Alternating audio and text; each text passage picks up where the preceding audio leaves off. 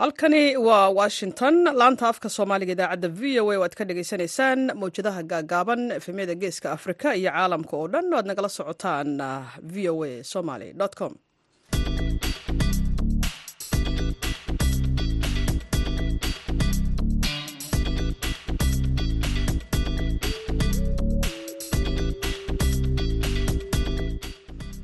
duhur wanaagsan dhegaystayaal dhammaantiinba waa maalin isniin ah bisha disembar waa afar sanadku waa laba kun saddex iyo labaatan. Afrikada bari saacaddu waxa ay tilmaamaysaa kowda iyo barka duhurnimo. Magaalada washington d c ee idaacadda sida tooska idinkaga imaanaysana saacaddu waa shanta iyo barka aroornimo idaacadda duhurnimo ee barnaamijka dhallinyarada maantana waxaa idinla socodsiinaya aniga oo ah caashe ibraahim aadan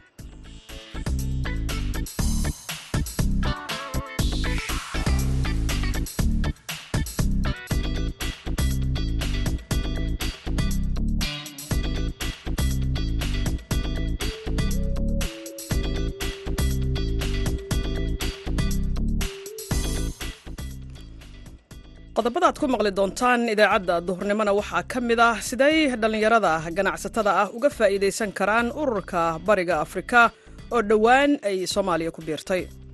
Dadka soomaaliyeed waa dad ganacsato ah. Intooda badan waa dad ganacsiga runtii kaalin xoog leh maaragtay ka geysan kara. Bulshada bariga afrikana wax weyn ku soo biirin kara. Runtii annagoo og ganacsatadeena soomaaliyeed in ay meelo dhaadheer gaareen waxaa sidoo kale had dhegaysan doontaan dhallinyaro ka badan shan boqol oo ka qalinjibiyey jaamacado ku yaalla magaalada boosaaso kuwaas oo loogu baaqay in ay la yimaadaan halabuur ganacsi. Qodobadaasi iyo ciyaarihii ayaad sidoo kale maqli doontaan. Marka horese waxaad ku soo dhowaataan warka caalamka aan idin akhriyo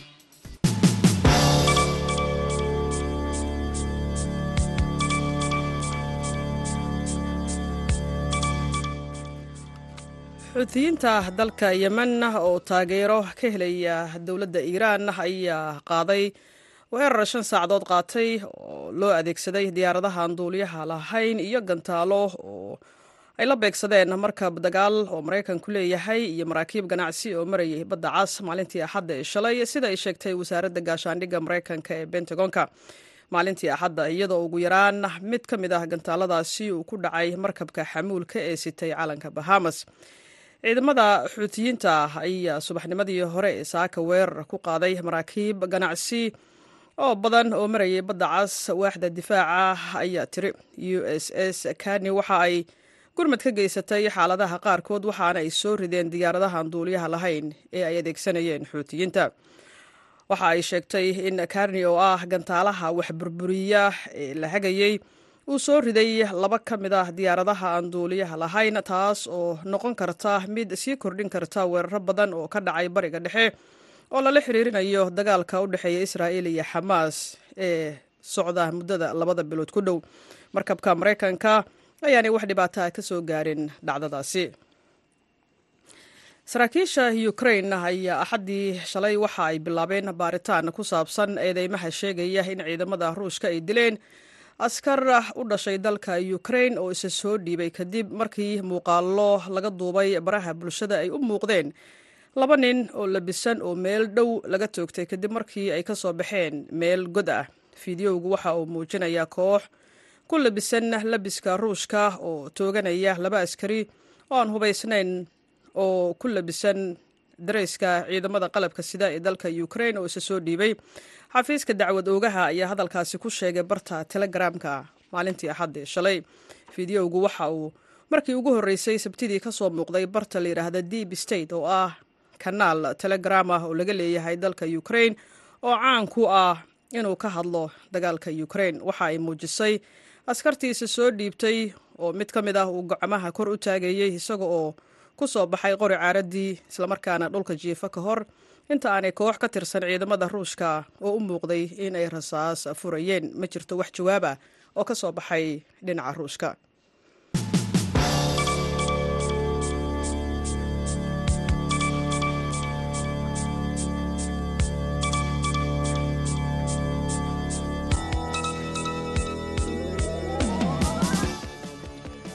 duhur wanaagsan xaggiina ayaan mar kale hawada idinka leenahay meel kasta oo ad naga maqlaysaan. Magaalada boosaaso waxaa lagu qabtay munaasabad ay qalinjibiyeen in ku dhow shan boqol oo arday ah oo isugu jira wiilal iyo gabdho kuwaas oo dhammeeyey waxbarashadooda heerka jaamacadeed dhallinyaradan dhammaysatay waxbarashada.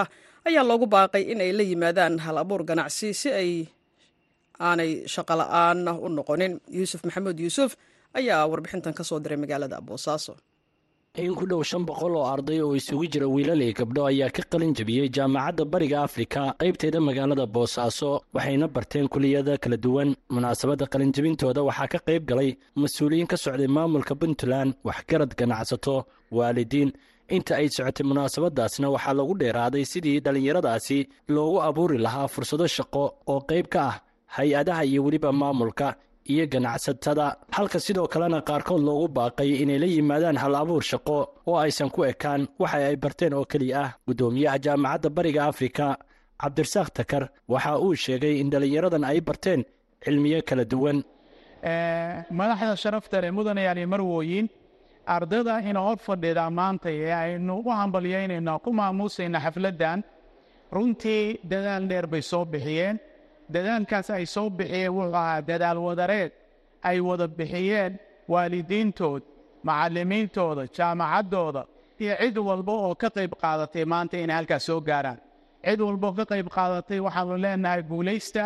Ilaahayna waxaan uga baryaynaa in uu ajarka xasanaadkiinna uu ka mid inaad ka soo qayb qaadateen inaad soo saarteen dhallinyaradaas mutacalimiinta ah dhallinyarada maanta ee aynu xafladdan ay u daarantahay aan ku maamuusayno waa rajadii ummadda soomaaliyeed wey waa haldoorkii ummadda soomaaliyeed wey waa mustaqbalkii ummadda soomaaliyeed iyo waddanka soomaaliyeed wey maanta halkan jaamacadda bariga afrika keliya waxaa ka takharujay faraceeda boosaaso arday gaaraysa afar boqol iyo siddeetan arday dhinaca kale mas'uuliyiin ka socday shirkadaha ganacsi ee magaalada boosaaso duqa magaaladaasi cabdifataax maxamed cismaan beeldaaji ismaaciil beeldaaji yaasiin ayaa siyaabo kala duwan uga hadlay sida ugu habboon ee dhallinyaradaasi gaaraysa afarta boqol iyo siddeetan ka arday ee isugu jira wiilasha iyo gabdhaha siday u heli lahaayeen shaqo. Waxaana sidoo kale shirkadaha qaarkood iyo maamulka degmada ay ballan qaadeen inay shaqooyinkaasi uga faa'iideyn doonaan dhallinyarada maanta qalin jabisay ardayga ugu horreeya naga qaat codsiga intaale ku qaat hadduu gabar yahay iyo hadduu weli yahaba qaado haddaan mid nagu dartaanba kaba si fiican halkaa isku ceebinina goysay war subtul haddaad joogtayoo ku dar subtul meelay maqan tahay war wixii joogow qaado wixii shirkadow afar boqol iyo siddeetan iyo salaan baag waa isleegihiin gruub waa isleedihiinoo malaca halkaan isugu yimi kulkan qof hanagu ceebeynina bilaa calaykum odayaal codsaday baa naxay labada qof ugu sarreeya weliga gabar ka dhiga u kala saara waynayn ducaynaynaa waxay yihiin maaha u ugu sarreeya ma garanayo laakiin waa codsi igu soo dhaca afar boqol siddeetan iyo afar inta soo hadhay shirkadaha kale oo xirsiga jooga iyo maayarka idinkuna naga meeleeya dhakhaatiirtii waa joogtaan ardada meeleeya iyona maqal arda macallin baa meelka laga soo koraysta ama meelka laga keenay iyagaa hala maalgeliyo wuxuu amray waan qaadannay ballanqaadkiina waa fulinay waxaan ku daraynaa. Waxaan ku daraynaa intaas inaannu hadda ay noo joogto. Ardayda qalanjabinaysa ay ka mid tahay arday badan oo waxaan intaa ku darayaa oo aan dheeri dheeri ka dhigayaa inaannu tababar u hayno ardada hadda halka qalanjabinaysa toban arday oo ka mid ah internship tababarah aanu siinayna oo sekretiyada anna waa ka shaqeyno oo badanaa de annagu business iyo i t baanu nahayo meelaha ardada ah fursadaha tababarka waan ka saaciidanaa guud ahaanna waxaan hadda qorsheynayna project cusub oo ah inaan ardada intay iskuullada jaacadaha ku jiraan inaan internship badan siino waxaan annaguna hadalka ka ballan qaadaynaa labada arday oo ugu sarreeyey kuliyadda maamulka iyo maaraynta iyo ardayga kaloo isna wuxuu ugu sarreeyey kuliyadda i t-ga insha allahu inaan shaqaalaysiin doono waxaan rajeynayaa insha allah inaad magaalada iyo gobolka iyo puntland iyo soomaaliyaba kuwii wax ku soo kordhiya waalidkood iyo dadkoodana facayla idinka dhigo.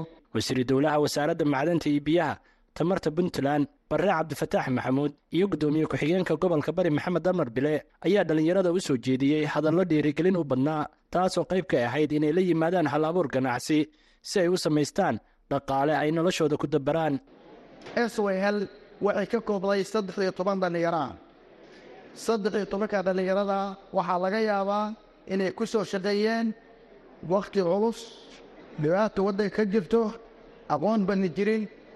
Waxay mideeyeen soomaaliya min gaariisa looyacaddo l f d soomaali galbeed.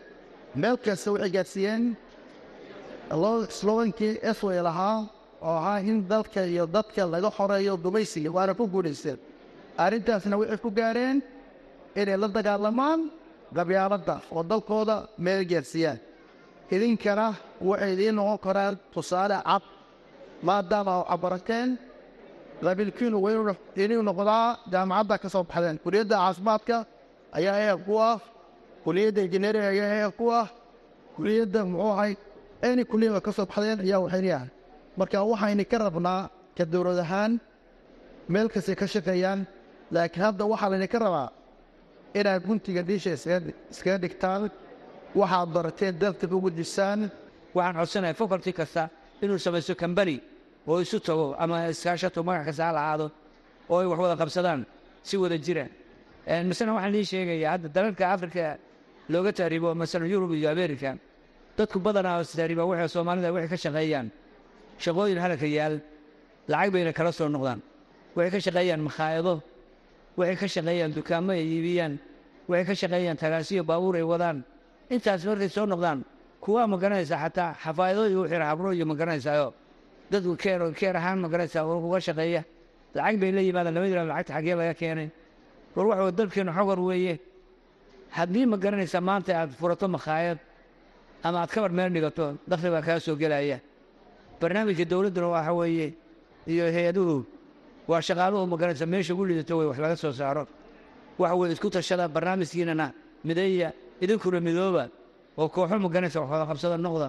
Isku soo wada duuba oo sannad kasta jaamacadaha puntland gaar ahaan magaalada boosaaso waxaa ka qalin arday aad u badan kuwaasoo muddo sannadaha ku jiray waxbarashadooda jaamacadeed balse qaarkood oo badan fursad uma helaan inay qayb ka noqdaan inay ku shaqaystaan cilmiyadii ay barteen. Walow ay jirto tiro dhallinyaro ah oo aad u yar oo la yimaada hal abuur ganacsi kuwaasoo noloshooda ku dabaraa yuusuf maxamuud v o e boosaaso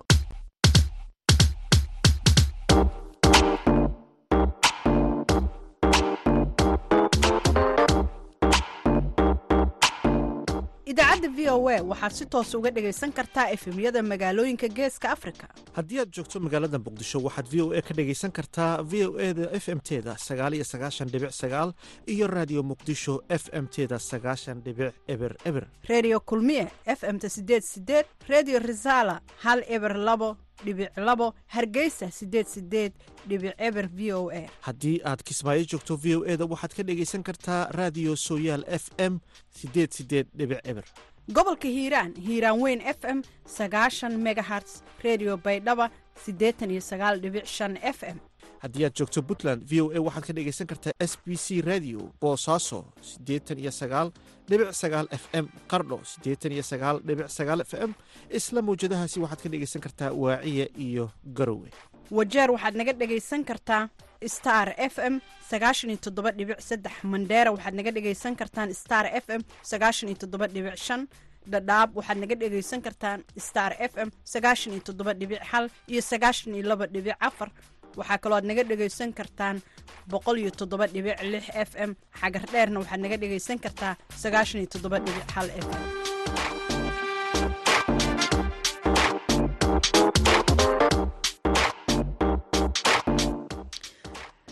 Duhur isniin oo wanaagsan ayaan mar kale hawada idinka leenahay. Meel kasta o aad naga maqlaysaan. Haatanna waxaan ku nasanaynaa mid ka mid ah heesahaanu idiin hayno. Waxaa qaadaya fanaanka cali dhaanto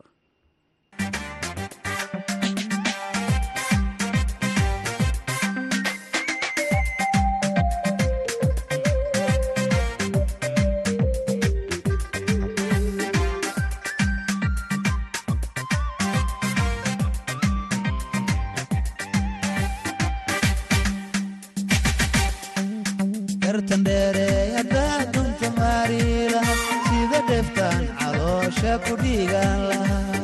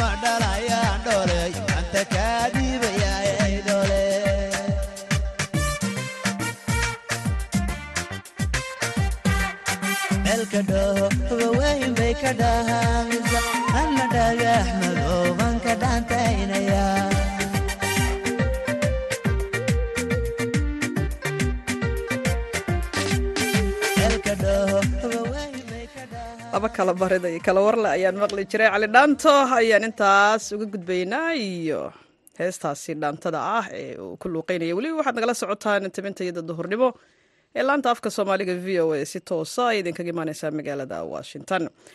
Dhallinyarada soomaaliyeed ee ku nool dalka kenya gaar ahaan kuwa ganacsiyada kala duwan ku leh magaalada nairobi ayaa waxa ay soo dhoweeyeen tallaabadii ay soomaaliya ugu biirtay dowladaha bulshada bariga afrika iyagoo sheegay in tallaabadaasi ay wax badan ka bedeli doonto caqabado dhallinyarada ka haystay ganacsiyadooda.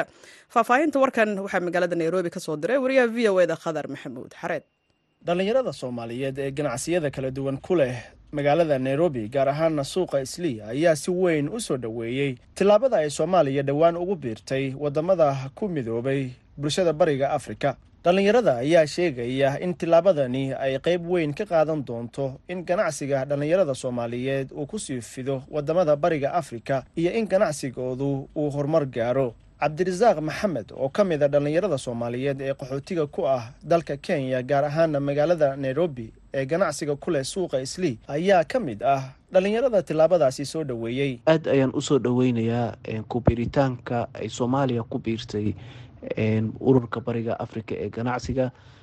Ganacsatada dadka soomaaliyeed waa dad ganacsato ah. Intooda badan waa dad ganacsiga runtii kaalin xoog leh maaragtay ka geysan kara bulshada bariga africana wax weyn ku soo biirin kara. Runtii anagoo og ganacsatadeena soomaaliyeed in ay meelo dhaadheer gaareen. Waa jeclaan layihiin ganacsiyadan bariga africa iyo horumarka adduunyada maanta ka socdo. Inaan qeyb ka noqono ururadan aan ka mid noqonayna iyo kuwo badanba waa rajeynaya runtii in soomaaliya ay ka mid noqon doonto. Waxay kaloo tusaale u tahay soo hagaagitaanka wadankii uu noo soo hagaagaya ee soomaaliya. Annaga haddii aan nahay dhalinyarta qurbaha ku nool ee qaxootiga ku ah wadanka kenya runtii waxay noo tahay isdhexgal bulsho waxay noo tahay socdaalkii maaragtay muddada dheer ee waddamada bariga africa runtii il gaar ahna lagu hen jiray in socodkeena iyo dhaqdhaqaaqeeni ay noo fududeyso maadaama aan ka mid nahay ururka bariga africa aad ayaana maaragtay u soo dhaweynaya maadaama aan nahay dad ganacsato ah oo ganacsiga aada u yaqaano oo soomaali aan nahay. Waxa keliya ee aan sameyn karnana ay tahay in badeecadaheena sida mooska iyo maaragtay kalluunka inaan dhoofitaankiisa aada u badino iyo waxyaabaha kale ee wadanka ka soo go'ay runtii dalagyada ugu horeeyaan zakariya maxamuud oo isna ka mid ah dhallinyarada ku nool magaalada nairobi ayaa sheegaya in tillaabada ay soomaaliya ugu biirtay waddamada e a c ay faa'iidooyin kala duwan ay u leedahay bulshada soomaaliyeed gaar ahaana dhallinyarada soomaaliyeed ee ku nool geeska afrika oo heli doona fursado kala duwan oo dhanka waxbarashada ganacsiga iyo horumarka ah. Dhallinyarada soomaaliyeed markii hore socodkooda cariiri buu ahaa balse waxaan rajeynayaa inay fursado fiican ka soo bixi doonaan dhinaca dhalinyarada isku socodkooda dhalinyarada soomaaliyeed ee si fiican uga faa-iideysan doonaan. Midda labaad waxaan rajeynayaa ganacsatada soomaaliyeed oo jooga qaaradda africa in isku socodkooda ganacsi ay si fiican uga faa-iideysan doonaan. Dowladda soomaaliyeedna waxaan rajeynayaa inay ayadana fursado shaqo iyo fursado ganacsi inay ka heli doonta. Wallaahi waa arrin wanaagsan oo soo dhaweyn mudan waayo markii hore waxaa jirtay dhalinyarada soomaaliyeed oo ganacsato iyo isku socodkoodaba in caqabado ay la kulmi jireen. Marka waxaan rajeynaya caqabadahaas ugu yaraan inay soo yaraan doonaan koob iyo laba saddex inay soo yaraan doonaan dhalinyaro soomaaliyeedna faa-iido fiican ay ka heli karaan dhinaca socodka iyo dhinaca ganacsigaba marka waxaan rajeyneynaa in arrintan arrin wanaagsan noqon doonto lagu mahadin doono insha allah. Soomaalida ku ganacsata geeska afrika iyo kuwa isaga kala safra ayaa dhibaatooyin kala duwan horay ogala kulmi jiray dowladaha bariga afrika ku yaalla balse waxaan la ogeyn sida ay caqabadahaasi ay wax uga bedeli doonto ku biirista soomaaliya ee waddamada bariga afrika. Khadar maxamuud xareed v o a nairobi.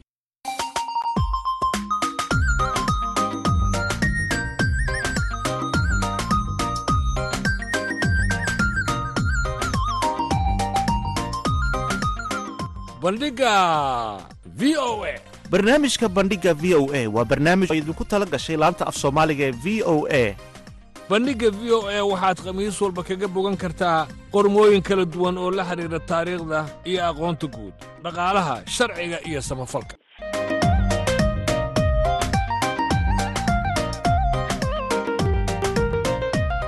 Haddii aad rabto inaad wax ka ogaato taariikhda dunida iyo aqoonta guud ha moogaan bandhigga v o a bandhiga v o e kala soco laanta af soomaaliga ee v o e maalin kasta oo khamiis ah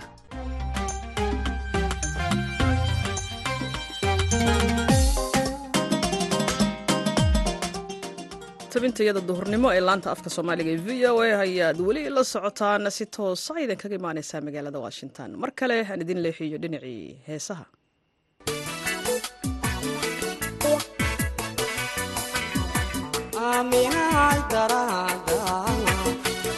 daraada babaxay dhankaagu iridaha wadnahayo ku furan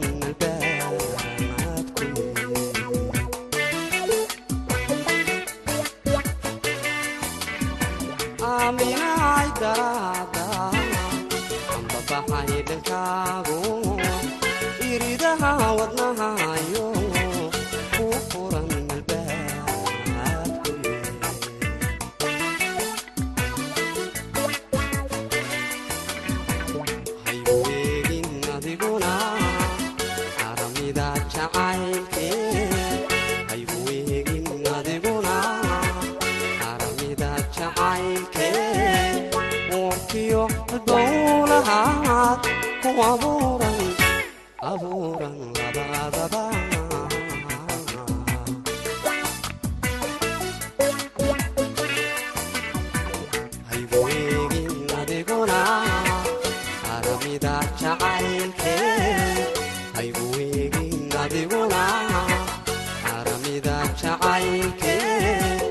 uurkiyo albuulaha ku abuuran labadaba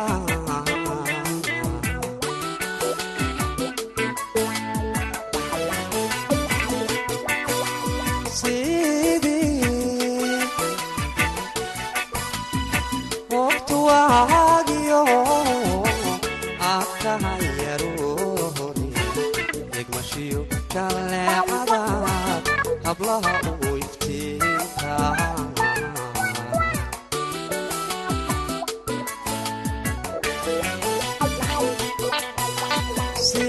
sidii waqtu waagiyo aad tahay aroor hori egmashiyo jaleecada hablaha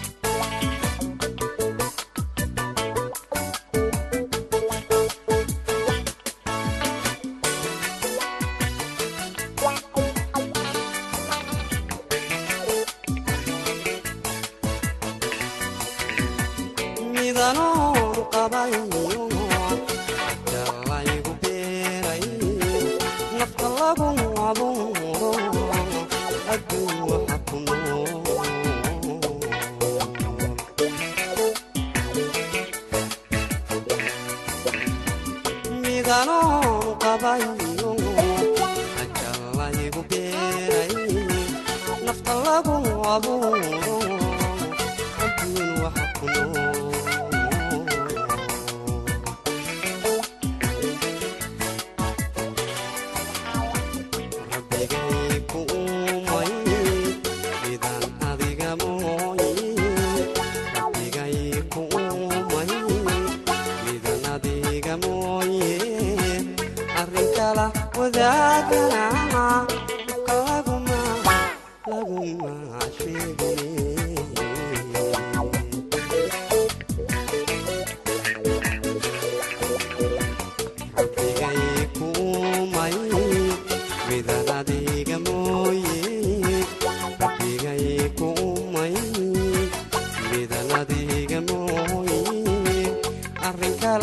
kala wadaagana ifka